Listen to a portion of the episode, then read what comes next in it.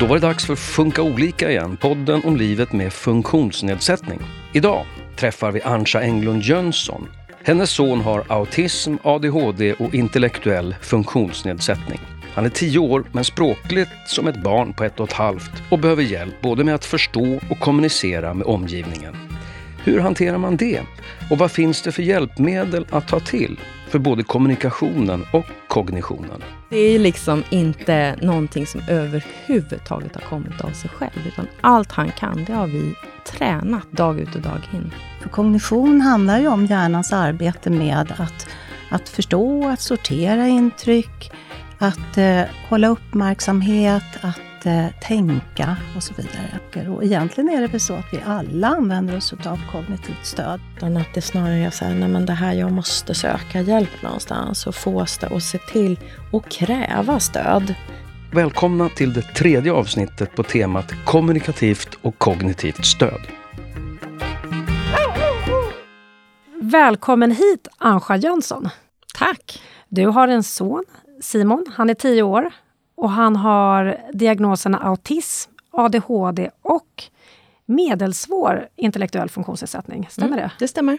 Hej också Birgitta Wennberg.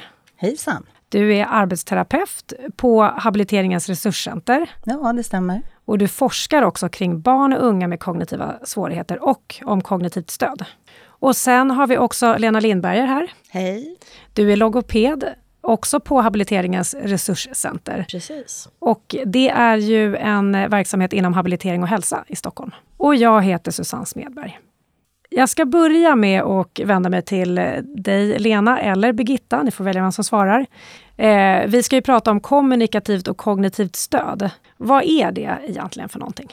Kommunikativt stöd, det är alla möjliga olika sorters stöd som kan finnas för att en person ska kunna uttrycka sig, sin vilja och också förstå vad andra kommunicerar. Så. Och det finns en massa, massa olika metoder och hjälpmedel för det. Den kognitiva biten då, vad är det för, varför blir man hjälpt av med den typen av stöd? Kognitivt stöd handlar om allt som gör det lättare att förstå sin omgivning, att kunna planera, att kunna vara förberedd på vad som ska hända. För kognition handlar ju om hjärnans arbete med att att förstå, att sortera intryck, att eh, hålla uppmärksamhet, att eh, tänka och så vidare. Så det kan vara många olika saker och egentligen är det väl så att vi alla använder oss av kognitivt stöd, till exempel för att komma ihåg vad vi ska göra och så. När vi pratar om kommunikativt och kognitivt stöd, är det vanligt att man har båda typer? Kommunikativa svårigheter påverkar otroligt mycket hur kognitionen kan utvecklas. Eh, och tvärtom förstås. Om jag har kognitiva svårigheter så kan det påverka min eh, förmåga att lära mig språk till exempel eller att eh, förstå sammanhang och så vidare otroligt mycket. Så att de här två ehm, svårighetstyperna eller vad vi nu ska kalla det för, de ligger väldigt nära varandra skulle jag säga. Birgitta, har du något att tillägga? Ja, det är ju egentligen så här, alltså språk är en del av kognitionen. faktiskt. Mm, mm. Så det, det samverkar, som du säger, väldigt, väldigt mycket. Eh, och det är också så om man behöver, eller hur Lena, om man behöver eh, hjälpa till med ett kommunikationssystem så är det ganska beroende av också vilken intellektuell förmåga man har. Absolut. Hur eh, skulle det kunna se ut om man använder sig av båda stöden? Ett vanligt exempel är att man har ett kommunikations stöd, ett kommunikationssätt, till exempel med bilder så att man kan komma på vad man vill prata om och att man också kan göra sig förstådd. Att man dessutom har ett tidsstöd för att veta vad som ska hända och när det ska hända. Ett schema är ett bra exempel på båda funktionerna egentligen. Där vet man vad som ska hända till exempel under en vecka. Men det ger också ett utmärkt tillfälle att kommunicera och, och, prata om de här sakerna som ska hända och vad man tycker om det. Eh, och så vänder jag mig till dig nu då, Anja. Din son är i behov av både kommunikativt och kognitivt stöd. Vill du berätta lite kort om honom? Ja, jag tänkte det blev faktiskt ganska tydligt för att eh, Sim, Sim, Simon han använder verkligen både kognitivt stöd i form av... Eh, en av hans favoriter är tidmätaren. Han går själv och hämtar den och trycker på eh, 20 minuter och sen så räknar den eh, sakta ner. Och det är ett kognitivt stöd för att han är ivrig. Han har ADHD, så han är ivrig, han vill iväg nu. Och det hjälper honom att vara lugn, att han ser på den här som tickar ner. Så det, han använder kognitivt stöd. Um, det jag kan berätta om honom det är att han egentligen behöver hjälp med allt, alltså tillsyn. Eh, 100 procent. Ehm, det är det att han är ju, han är ju 10-11 år, men man måste tänka på honom som att han är kanske som att han är en bebis. Eh, för att han agerar som en bebis. Hur ser det ut hemma då, om vi tänker eh, Simon? Ja, men det är otroligt intensivt hos oss. Alltså Simon eh, är, han har ju som sagt ADHD, vilket gör att han är enormt impulsiv och väldigt intensiv. Sen är han autistisk på väldigt mycket sätt också. Han har superspecialintressen och kan vara gillar inte när han inte är med på förändringar. Så det måste man liksom tänka på, att alltid planera en planera tillvaron och vara tydlig med vad händer nu och vad händer sen. Det tycker han är otroligt viktigt. Och framförallt, var ska vi sova, var ska vi äta och vilket transportmedel ska vi färdas med? Det är ju liksom det allra viktigaste av allt. Sen eh, så eh, är han ju också, han en intellektuell funktionsnedsättning. Det vill säga att han har väldigt svårt för abstrakta saker och befinner sig på en ganska låg nivå. När vi pratar om transporter till exempel så är han ju bara intresserad. Han pratar om att det finns olika transportmedel. Inte nödvändigtvis att han vill åka dem, men att ja, det finns bil, det finns båt, det finns flygplan, det finns tåg. Mm, bra. Och sen så vill han liksom berätta, där är, där är en bil.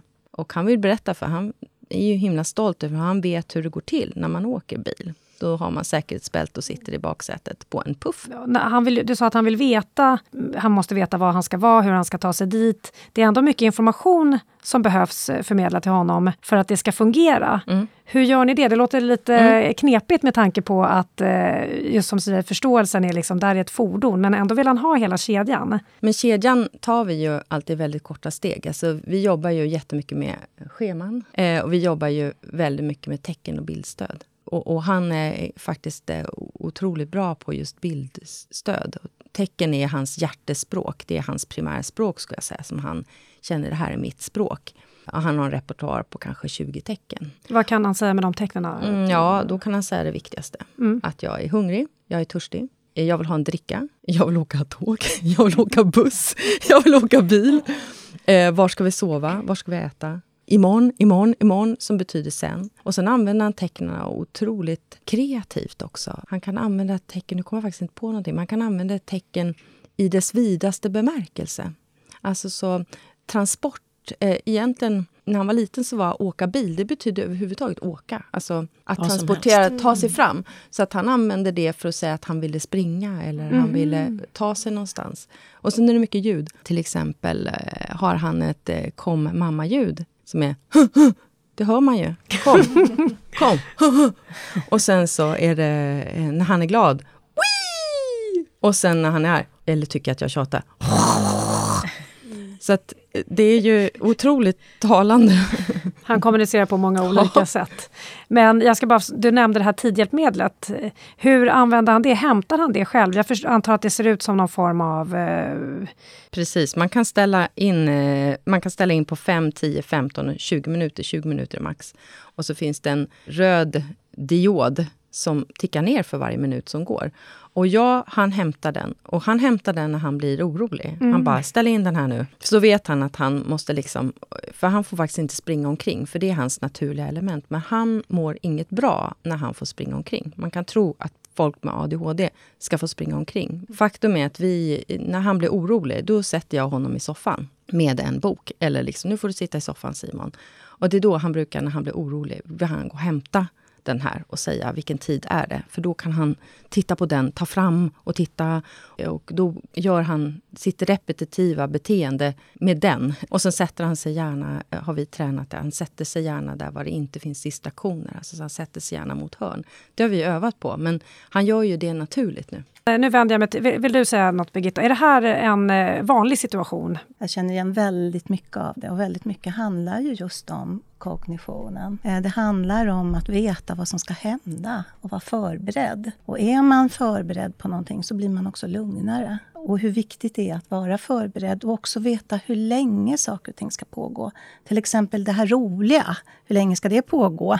Eller det här tråkiga som jag måste stå ut med, kommer det vara för alltid eller kommer det ta slut någon gång? Så att jag känner igen väldigt mycket av det. Och också det du säger, vilket jag är, tycker är fantastiskt, att han också själv hämtar sitt tidsstöd. Han vet när han har behov av det. Och eh, också att han eh, söker miljöer ibland där han inte får så mycket distraktion. För det är också sånt som vi brukar prata om som kognitivt stöd. Att kunna sortera bort de här ovidkommande intrycken. För att det har man svårt att göra själv annars, för det blir för mycket intryck till hjärnan. Nu har vi pratat om eh, Simon och han har ju ADHD, autism och eh, intellektuell funktionsnedsättning. Är det några andra liksom, grupper grupper med, med, olika diagnoser, tänker jag, som kan vara i behov av båda de här typerna av stöd. Eh, Simon är ju ett exempel på hur det kan se ut, men det kan också vara personer som inte har en svår eller måttlig intellektuell funktionsnedsättning och ändå har stora svårigheter med kanske både kommunikation och kognition, eh, som behöver kommunikativt och kognitivt stöd. Vi vet också att många personer med stora rörelsehinder, absolut inte alla, men många, till exempel med CP-skador, har svåra eller har kognitiva svårigheter. Till exempel med tid och planering eller att, att sätta igång med saker och ting. När det gäller då kommunikativt stöd så är det ju så att personer med rörelsenedsättning är ju en stor grupp som vi träffar. Och det är ju för att man då ofta har antingen inte har något tal som funkar alls eller som funkar bara delvis så att man inte riktigt klarar av att göra sig förstådd med talat språk helt enkelt. Och då behöver man ju någon slags kommunikativt stöd som ett komplement till de talade orden man har eller som ett alternativ. Eh, och det är en stor grupp av dem som jag jobbar med. Sen kan man dessutom ha kognitiva svårigheter och, och språkstörning är vanligt i, i våra målgrupper. Eh, till exempel om man har en intellektuell funktionsnedsättning så kan man också ha en ganska grav språkstörning. Eh, Sen så tänker jag också på en grupp som, som vi håller på att lära oss jobba med. Det är de med autism men utan intellektuell funktionsnedsättning. Som kan behöva ganska mycket stöd i det här hur man använder språk och kommunikation socialt. Hur beter jag mig när jag ska handla något eller när jag ska sitta och samtala med någon. Och där kan man jobba rätt mycket med det vi kallar för typ sociala färdigheter. Och det tycker jag är ett jätteviktigt kommunikativt stöd, att få lära sig att för sin egen skull bli bättre på sånt för att man ska känna sig mer bekväm ute i samhället, till exempel. Nu eh, har ju ni pratat om olika målgrupper, bland annat eh, personer med rörelsenedsättning och att eh, den, målgruppen, eller den gruppen kan också ha kognitiva och kommunikativa svårigheter. Hur samverkar då rörelse eller motorik med kommunikation och kognition? När det gäller kommunikationen så är det ju då ofta det basala är ju just att man har en motorisk svårighet som gör att man har svårt att prata, alltså att röra musklerna i munnen och skapa röst och, och, så vidare. Och det är ju det som vi liksom har jobbat med väldigt länge för den gruppen skulle jag säga. Men sen precis som Birgitta sa förut så har man också på senare år insett att den här gruppen ofta, ganska ofta har också kognitiva svårigheter. Och jag skulle säga att det kan bero på två saker. Dels på att man faktiskt har kognitiva svårigheter i samband med sin CP-diagnos. Men sen att man också, i och med att man har en rörelsenedsättning, har mycket svårare att lära sig saker och ting. För man kan inte undersöka världen, man kan inte hur ska jag ta mig fram eller ut eller bort och göra saker? Jag har svårt kanske att kommunicera om jag inte har fullgott kommunikativt stöd. Hur ska jag kunna ta reda på saker, fråga efter saker? Hur ska jag gå ut på internet och forska? Eller massa sånt. Så att vi, jag brukar säga så här att även om man föds med eh, en, primärt en, en rörelsenedsättning så kan man, om man inte får fullgott stöd från början, utveckla en intellektuell inte funktionsnedsättning kanske, men att man utvecklas senare för att man inte får chansen riktigt på grund av sin funktionsnedsättning helt enkelt. Och det där tycker jag är jättebekymmersamt och väldigt någonting som vi måste tänka jättemycket på inom habiliteringen. Att ge förutsättningar från början. Hur ser medvetenheten ut kring det här nu eh, inom habiliteringen till exempel? Det har blivit allt större ändå, att man vet att det här är viktigt. Och jag tänker, precis som Lena säger då, att eh, alla människor utvecklas i samverkan med andra människor och i samverkan med att man gör saker. Och får man minskade möjligheter att, att prova saker och ting, då får man också ett, vad ska jag säga, en smalare erfarenhetsbas. Ansja, om vi går tillbaka till dig då och eh, Simon. Vad var det som eh, gjorde att ni förstod att han behövde hjälp? Ja, ungefär kanske vid Alltså nästan, jag tror nästan att vi förstod att något var, men kanske inte liksom kunde förstå att det hade så stora konsekvenser. Man kan säga att vårt barn är liksom lite annorlunda än andra. Det förstod vi nog ganska snart med utveckling. Men ungefär vid tre och ett halvt, fyra års ålder så var det faktiskt vår barnläkare som sa ni behöver utredas. Alltså Simon behöver utredas. Och vi var nog liksom inte riktigt där. Vi tänkte, ja, ja, men han... Ja, du vet, man vill låta det gå lite tid. Och är det inte för tidigt att säga någonting? Men hon var benhård. Och det var superbra. Och då, i, idag är ju, gillar ju Simon att kommunicera, eller han förstår ju vitsen. Men det, då, han förstod inte varför man skulle kommunicera överhuvudtaget. Så vi har ju börjat från början. Varför ska man kommunicera? Och eh, han förstod inte skillnaden mellan ja och nej. Nej för honom var fy. Eh, vill du ha det här ja eller nej? Då trodde han att det var fy. Att inte han kunde välja ordet nej. Så hur lär man ett barn vad nej betyder? Att han har en egen vilja. Så att du vet, vi gjorde ju allt det här, turtagning och jätteviktigt då att som jag tycker har liksom varit verkligen en grundförståelse i hur kommunikation utvecklas. Att, att vi måste kommunicera på hans villkor, där han befinner sig och följa hans intressen. Så i början när han inte fattade vitsen varför han skulle ha någonting. Han ville ju inte vara nära ingenting. Han var ju väldigt sådär avstånds... Liksom i sin egen bubbla och, och ville bara egentligen ha mat. Det var det enda han var intresserad av.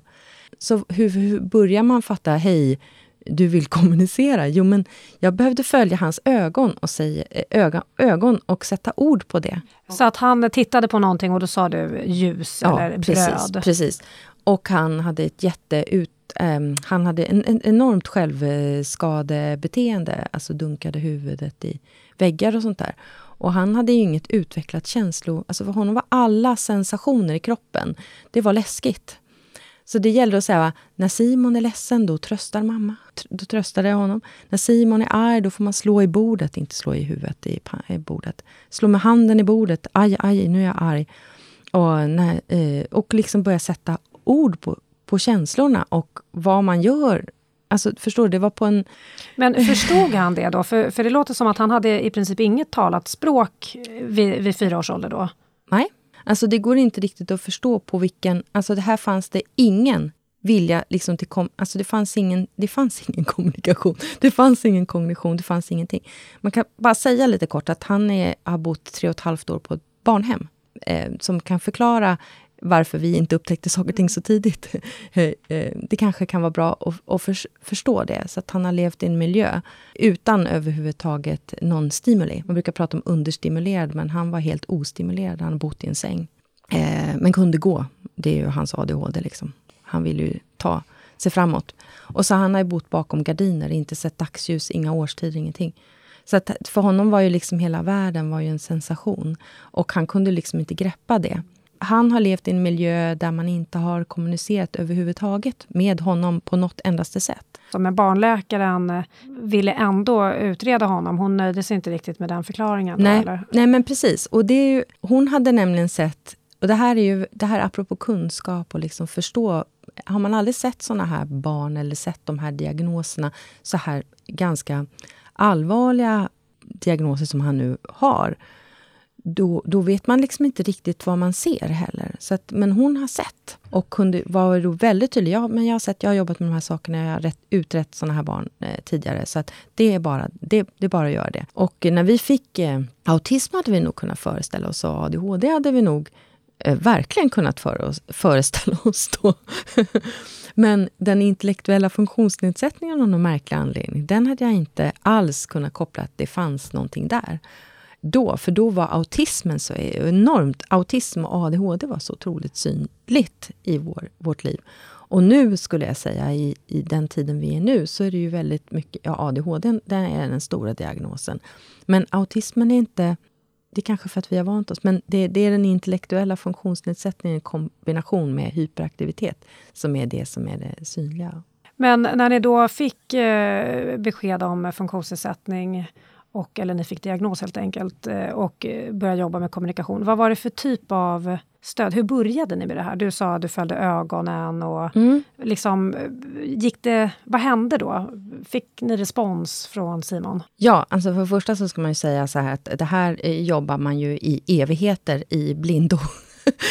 man jobbar ju under väldigt lång tid med att bara liksom uppmuntra, uppmuntra, uppmuntra eh, kommunikation. Och jag vet, den logopeden vi hade sa, ja men det är lite, du ska göra lite så här som mormors skola. Benämna det, benämna det du tror att, att ditt barn vill eh, säga. Eh, och jag måste bara få berätta en rolig historia i i, i affären. Simon och jag eh, var i affären och då var chokladboll det är ju liksom som han älskade. Och där gick vi bland hyllorna i den här smala affären. Och han gör tecknet för chokladboll. Det, ingen hör ju någonting förstås, för han säger ju ingenting. Utan han gör tecknet för chokladboll. Och jag svarar chokladboll. Nej, inte nu Simon. Chokladboll. Inte nu Simon. Så att folk i butiken, de hör bara här mamman som säger chokladboll. Inte nu Simon. Och sen så säger jag sluta tjata. Och så tänker han så här, men gud. De måste tänka så här, men vem är det som är tjatig? Det är inte ungen, det är mamman. Men just det där, såna där eh, konstiga, konstiga situationer. Men det var ju jätteviktigt där att möta honom. Och hel, varenda gång när, alltså i butiken 50 gånger säga chokladboll. Nej, inte nu Simon. Nu frågade liksom, vad hände då med Simon? Jo, men när han förstod att han, när han förstod tecknenas magi, att han kunde liksom uttrycka någonting själv som han tyckte var viktigt. Det öppnade ju en helt ny värld. Idag är han ju, när han vill någonting så tittar han i ögonen. Liksom, du vet, han bara upp, ser reaktionen. Eh, liksom, det är ju, så att jag menar, eh, språkligt, ja, när man träffar honom idag så tänker man sig, jaha, det här ser ju lite trevligt ut. Han kommunicerar ju bra. Jag bara, ja, det gör han. Det är good job mamma. Nej men det är liksom inte någonting som överhuvudtaget har kommit av sig själv. Utan allt han kan, det har vi tränat dag ut och dag in. Jag skulle bara vilja eh, komplettera med en grej. Jag fick en sån här Åh, vilket bra exempel på en grej som jag alltid brukar säga. Nämligen det här att när man får ett barn med kommunikativa svårigheter eller kommunikativ funktionsnedsättning, eh, oavsett eh, skälet, så måste man börja planera och man måste börja jobba. Det här som händer när jag får ett litet barn som har alla förutsättningar att lära sig kommunicera på ett vanligt sätt, då behöver man inte planera någonting. Då gör man bara. Alla småbarnsföräldrar känner igen sig att vi, och jag börjar prata med dem när de kommer ut ifrån magen. Och sen håller jag på med det. Och så efter ett år så kommer de första, det första ordet kanske. Men med de här barnen, vi måste jobba så himla hårt. Och vi måste anpassa oss så otroligt mycket. Och det är en så stor risk att det blir en, istället för en positiv spiral, att det blir en negativ spiral när jag får väldigt lite tillbaka. Och där att då vara liksom den här som, precis som du beskriver Anja, det här svara på varje liten grej som Simon gjorde. Precis vad vi säger då när vi träffar liksom folk som får barn med funktionsnedsättning som är mycket mindre än vad Simon. Och oavsett när man då kommer in i den här processen så måste man precis göra just det, anpassa sig supermycket. Hur orkar man det? Ja, men nu kommer vi faktiskt in på det här med, med föräldrarollen och det, här är, det där lär man sig att man måste på något sätt orka det. Någon brukar säga så här till oss, åh, ni är så fantastiska som klarar av det. Så här, ja, men, vi är inte fantastiska, vi klarar inte av det, men vi gör det ändå. För att kärleken eh, lämnar inga val, faktiskt. Och jag tror att en del av det här handlar om att, um, att hitta ett annat förhållningssätt till sin relation till sitt barn. Att liksom, nej, mitt barn kommer aldrig komma hem med ett armband som han har gjort i skolan eller ge mig en teckning. Han säger inte ens gång mamma. Utan jag måste finna en glädje i den enormt basala i det att han faktiskt vill kommunicera. inte vad han kommunicerar om. Att det är inte kommunikation, eller liksom vår relation är inte vad jag vill projicera. Mycket föräldraskap handlar om vad man själv man drömmer för sina barn man vill göra. Men vi kan inte ha den kommunikationen. utan Han vill kommunicera och vi hittar en gemenskap i, i det. Och det tror jag är att få det där förhållningssättet. Att livet blev inte som det blev, det blev någonting annat. Eh, och att när jag fick ett barn med en funktionsnedsättning, då fick jag ett nytt heltidsjobb. Eh, projektledarrollen, som jag inte hade sökt, inte hade velat ha, men den har givits mig ändå. Och jag måste på något sätt bestämma mig för att jag måste ta den rollen och lära mig att älska den. För att som förälder är man ju liksom den som är limmet och projektledaren i ens barns liv. Och så får man... Och det är liksom viktigt att jag lär mig och förstår de här verktygen. och liksom att jag, jag kan ju aldrig bli logoped eller jag kan aldrig bli arbetsterapeut. Men jag måste förstå vad det är man gör i, i, med de här, hur jag ska använda det. För jag måste göra det till, till min egen kunskap. För att det är jag som måste lära eh, ny personal på skolan, på kortis, när vi går på kalas, när vi går på fester, när vi går på alltihopa. Hur, hur Simon vill bli bemött. För att det, det, det är liksom den rollen vi som föräldrar måste ta. Men hur har du gjort för att eh, kunna göra det och axla den rollen? Alltså jag tänker att eh, dels det här med att acceptansen som du är inne på. Vad har du liksom själv fått för stöd i det här och hur, ja, hur gör man helt enkelt i en sån här situation bara för att hamna på det här, liksom, komma på andra sidan på något sätt och liksom, nej nu jäklar ska jag mm nu är det det här som gäller, nu är det det här som ska jobba med och att liksom ha realistiska förväntningar. Ja, egentligen två saker ska jag säga. Mitt stöd har varit att jag faktiskt har lärt känna två andra föräldrar som är i liknande situation. Och det är ganska skönt, för vi hejar på varandra. För vi befinner oss på en annan, vi befinner oss på en annan skala. Sex års ålder, liksom, vi kanske upplever så här treårssegrar i nio års ålder. Alltså, så vi befinner oss på liksom en annan bana. Våra mål är liksom inte lika liksom, häftiga för omvärlden. Men till exempel, jag har varit ganska noga med vad jag kan verkligen vad kan jag klara i vår relation med, med Simon och vad jag tycker varit väldigt svårt. Jag uttryckte för de här mammorna till exempel att alltså jag skulle vilja få någon, öm, någon betygelse att jag betyder någonting för mitt barn. För det är en väldigt... Jag får liksom inte bekräftelse. Det har jag inte fått då under alla år med honom överhuvudtaget. Att jag hade den här bekräftelsen att vi, vår relation betydde någonting. Då var det en av mammorna som sa så här, ja men lär honom ett tecken då, för jag tycker om dig. Ert hemliga tecken. Och jag bara, vad bra. Så vi började med att, ja, det börjar med att jag håller eh, hans händer och sen så sätter vi över hans hjärta och sen så tar vi händerna och flyttar till mitt hjärta och så, så säger jag, jag älskar dig. Och det där har vi hållit på med i ett års tid, tror jag. Och sen en dag så kom, så kom det, nu blir det väldigt emotionellt här, men så kom det att han tog mina händer över sitt hjärta och sen till mig. Och vad säger man? Det är ju gigantstort. Och han har även sagt det till sin gammelfarmor som han bryr sig jättemycket om. Bara tagit hennes händer och lagt på hennes bröst. Och, eh, ja, han kanske inte känner det där och det kanske är en rutin och alltihopa men för mig var det bara otroligt viktigt att få det är vårat hemliga tecken och det är våran, det är liksom våran grej. Och som sagt var, jag har jobbat ett år på varje dag efter middagen liksom säga det där och göra de här sakerna och titta honom och han har liksom mött mina ögon. Så att, det är liksom, man måste också vara öppen med att man själv har behov och att också tillåta sig själv att få sörja vissa saker men sen landa i liksom att vi, jag kan inte förändra vår situation. Jag kan bara liksom ta hand om det som vi har och göra det bästa av det. Jag tänker det är ju också så, det är ju oerhört rörande och underbart att höra.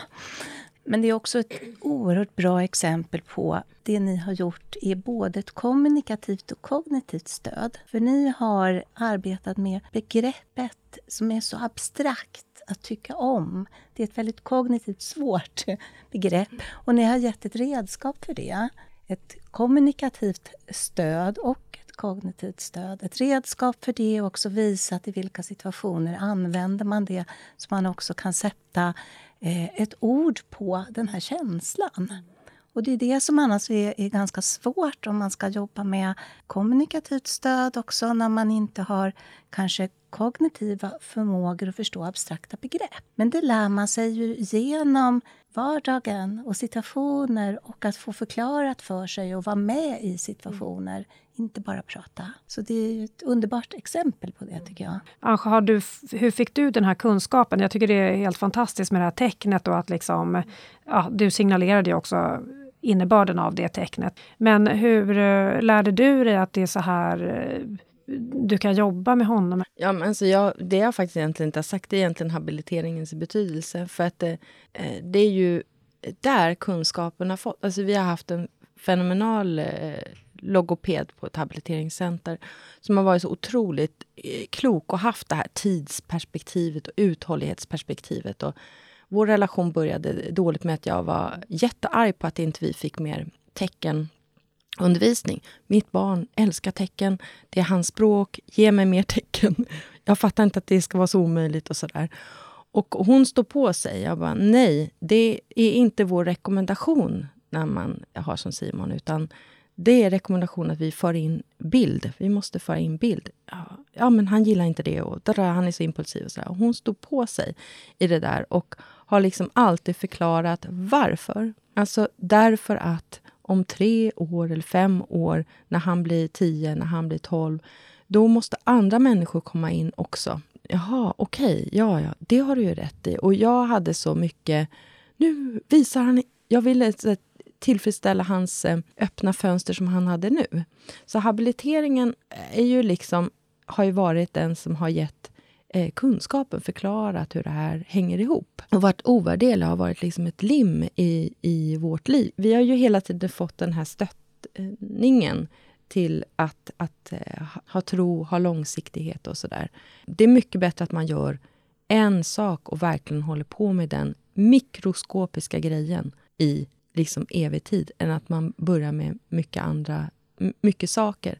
För det löser ingenting. Utan det är, när man, det är de små, små bitarna som kommer att göra eh, skillnaden. Om, Ann har ju berättat hur de har jobbat och de har liksom gått successivt fram med olika stöd och, och lärt sig på vägen. Hur går det till när man kommer första gången? Vilken ände börjar man? Det viktiga är att försöka och se vad är det som är, eh, ställer till det i vardagssituationen och försöka börja där. Att försöka se till att barnet, ungdomen eller den vuxna har möjlighet att kommunicera förstås, men också har möjlighet att förstå och veta vad det är som ska hända.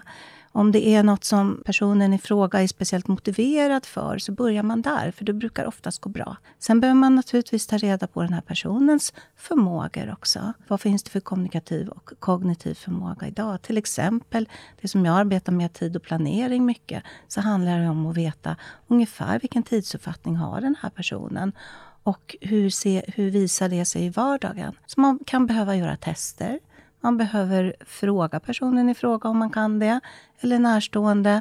Och man behöver många gånger observera. Spelar det någon roll vilken diagnos personen har? Är det, utgår man lite ifrån eh, diagnos när man börjar kika på stöd? Det kan man nog kanske ibland göra, men eh, vi får ju aldrig låta oss liksom fastna i diagnosen på något sätt. Utan det ju, måste alltid vara behoven eh, som styr eh, om vilket håll man går. Jag skulle vilja lägga till en sak där också om eh, det här med när man väljer ut, eh, eller ja, hur man börjar.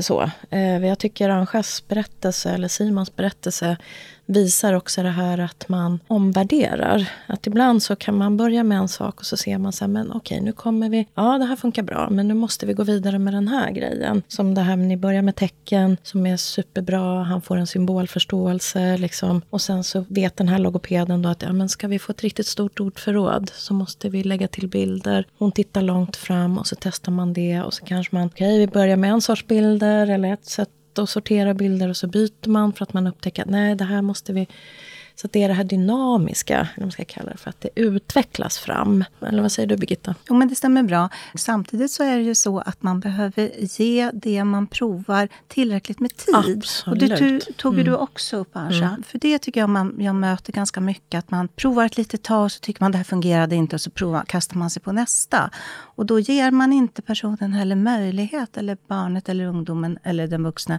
möjlighet att faktiskt förstå vad det här handlar om och se om det kan vara användbart eller inte. Så det är ju en, en balansgång. Det jag också vill verkligen tillägga det är ju det att det kan behövas flera olika professioner runt att ta reda på det här behovet. Och också i till exempel i, i barnets situation då så handlar det väldigt mycket om att man är på förskolan eller skolan och då handlar det om att den personalen också behöver vara involverad till de som ser barnet i de här situationerna. Hur gör man? Jag tänker också det att det, det här kräver ju att fler än eh, barnets föräldrar använder sig av de här stöden. Hur eh, hanterar man det? Alltså, vad, vad kan man ställa för krav på skola, förskola, daglig verksamhet? I skolan så är det ju så att eh, de ska ju se till barnets bästa. Och, och går man i skolan så är det ju så att till exempel rektor är skyldig att se till att barnet når, når sina mål. Till exempel. Och skolan är, ska se till att de, de, eh, det stöd som behövs för att barnet ska nå sina mål och fungera an- finns på plats där. Jag skulle ändå vilja fråga dig, Anja, hur har det funkat för er? Tycker ni att ni har, eller har- upplever du att ni har fått stöd från skolan? Har det liksom flyttat på enkelt? Det är en jätteviktig fråga och det där är ju att ingenting är ju konstant.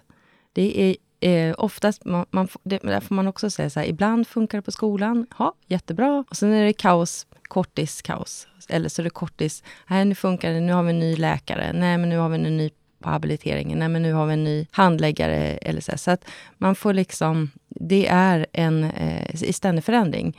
Så att eh, om du frågade mig igår om det är bra på skolan så skulle jag svarat ja. Förra veckan så skulle jag svarat ja. Men den här veckan har det varit kaos. Det är ny personal, det är nytt alltihopa. Och eh, det får väldigt förändrade beteenden. Och det där får man bara på sätt, så livet i livet. Eh, men att fortsätta jobba eh, på det. Och om man behöver hjälp med den här typen av stöd, var vänder man sig då någonstans? Till habiliteringen. Och det handlar förstås om, eh, då handlar det om att man tillhör habiliteringens målgrupper eller målgrupp så för att få stödet här. Men eh, i Simons fall har det ju varit så. Ni har fått mycket stöd där. Det kan ju vara så att man har svårigheter men inte tillhör habiliteringens målgrupp och då är det ju andra vårdgivare man får vända sig till. Det finns ju också hjälpmedelsverksamhet men det ska ju då ske via behandlande personal. Jag tänker var man kan få stödet kan vara beroende av vilken diagnos man har. Precis. Men att, eh, att få ett hjälpmedel är inte beroende av att man har diagnos, utan man, eh, det är utifrån behov. Och det kan vara bra att veta. Om man nu lyssnar på det här och man känner igen sig, man har till exempel ett barn som man märker av behöver den här typen av stöd. Vad kan man som förälder göra? Sök stöd, tänker jag. Prata med, med ja, men som människa som eh, eh, träffade en väldigt bra läkare. Alltså den typen som också kan leda en rätt. Eh, försök att förstå att det inte... Jag tänker just på de här eh, barnen där man upptäcker att det är kommunikativa svårigheter när de är små. Alltså det här att, att se att eh, det är inte mig det är fel på. Alltså de, den här, inte jag är en jättedålig förälder. Utan att det snarare är så här, nej men det här, jag måste söka hjälp någonstans och få stöd och se till och kräva stöd. Jag håller med om, jag tänker ta sin oro på allvar. Anja, eh, vad skulle du säga har varit det viktigaste stödet för er? Ja, men det viktigaste stödet, jag skulle nästan vilja formulera det vad som har liksom varit, vad är det, min viktigaste lärdom jag skulle vilja ge till, till andra föräldrar i min situation. Och det är att fråga vad som blir bäst på sikt och börja med tecken och bildstöd. Alltså det är bra för alla barn. Jag använder grundläggande tecken till eh, när min bror fick, fick barn till exempel. Alltså använd tecknet upp, använd tecknet mat, använd te- tecknet vatten eller dricka. Alltså du kommer ju att sova. Du kommer ju sjukt långt på det med en bebis. Och eh, det, det, liksom, det, det, det funkar på alla bra barn. Eh, så det tycker jag man ska göra. Då säger jag tack till dig, Anja Jönsson, för att du kom hit idag. Tack. Och jag säger också tack till dig, Birgitta Wennberg, arbetsterapeut på habiliteringens eh, resurscenter. Och eh, tack Lena Lindberger, logoped, också på habiliteringens resurscenter, som är en del av Habilitering och hälsas eh, verksamhet. Tack så mycket. Och eh, tack ni som har lyssnat. Du har lyssnat på Funka olika, en podd från Habilitering och hälsa som är en del av Region Stockholm. Det här var det sista programmet om kommunikativt och kognitivt stöd. Vi är snart tillbaka med nya avsnitt som kommer handla om att ha ett syskon med funktionsnedsättning. Lyssna då!